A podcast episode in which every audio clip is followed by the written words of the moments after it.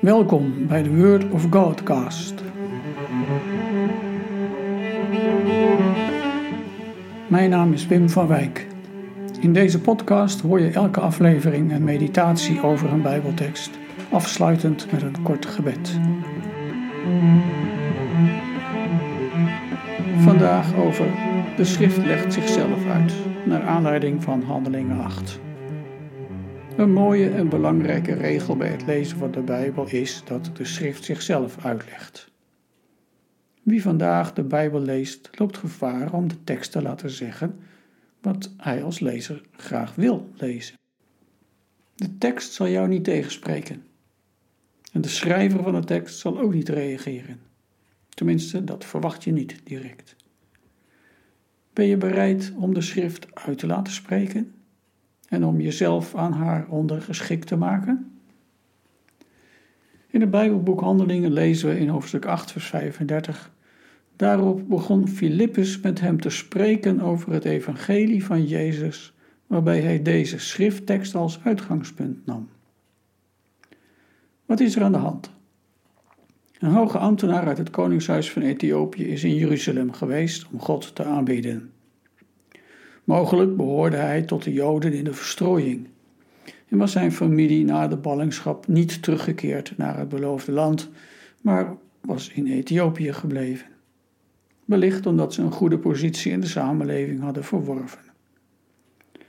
Deze ambtenaar is nu op de terugreis. In Jeruzalem heeft hij een boekrol kunnen kopen. Heel bijzonder. En nu zit hij erin te lezen en is bezig met het boek Jezaja.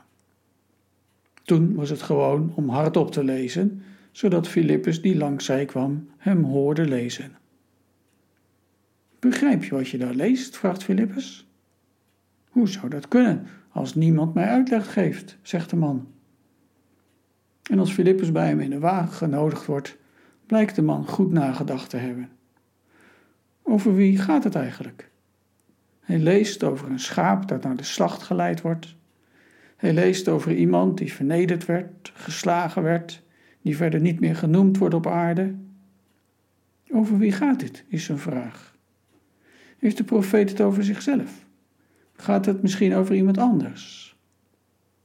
Filippus knoopt bij deze vragen aan.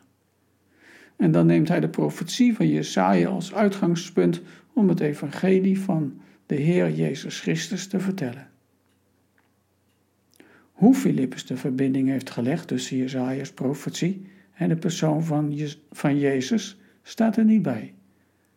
Maar het kan niet anders dan wat Jezaja gesproken heeft over de knecht van de Heer, dat hij dat toepast op Jezus Christus. Bij hem zie je hoe de knecht van de Heer werkelijk geminacht werd en bespot en niet geëerd.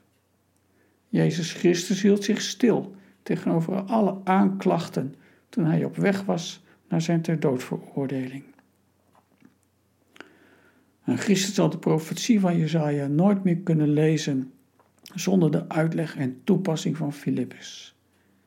Jezaja's profetie is evangelie van Jezus. En ook al zou je argumenten hebben om de profetie over de knecht te betrekken op de profeet Jezaja zelf, of op het volk Israël, en daar kan de profetie zeker ook mee te maken hebben. Je kunt niet meer om Jezus Christus heen, die de vervulling ervan is. Hij is de dienaar van de Heer die het heilsplan van God uitvoert. Op een ongelooflijke en voor sommigen ongeloofwaardige manier brengt God redding. Door een knecht te presenteren die het aanzien niet waard is. Die zichzelf vernederde, maar ook vernederd werd. Die onrecht leed die doodgezwegen werd, die weggehoond werd aan een kruis, die uit het land van de levenden is weggenomen. En juist op deze manier wil God redding brengen. En gaat het evangelie van Jezus Christus vanuit Jeruzalem met de ambtenaar mee naar Ethiopië. Mijn vraag aan jou is: wat betekent deze geschiedenis voor de manier waarop jij de Bijbel leest? Hoe helpt de leesregel dat de schrift zichzelf uitlegt jou?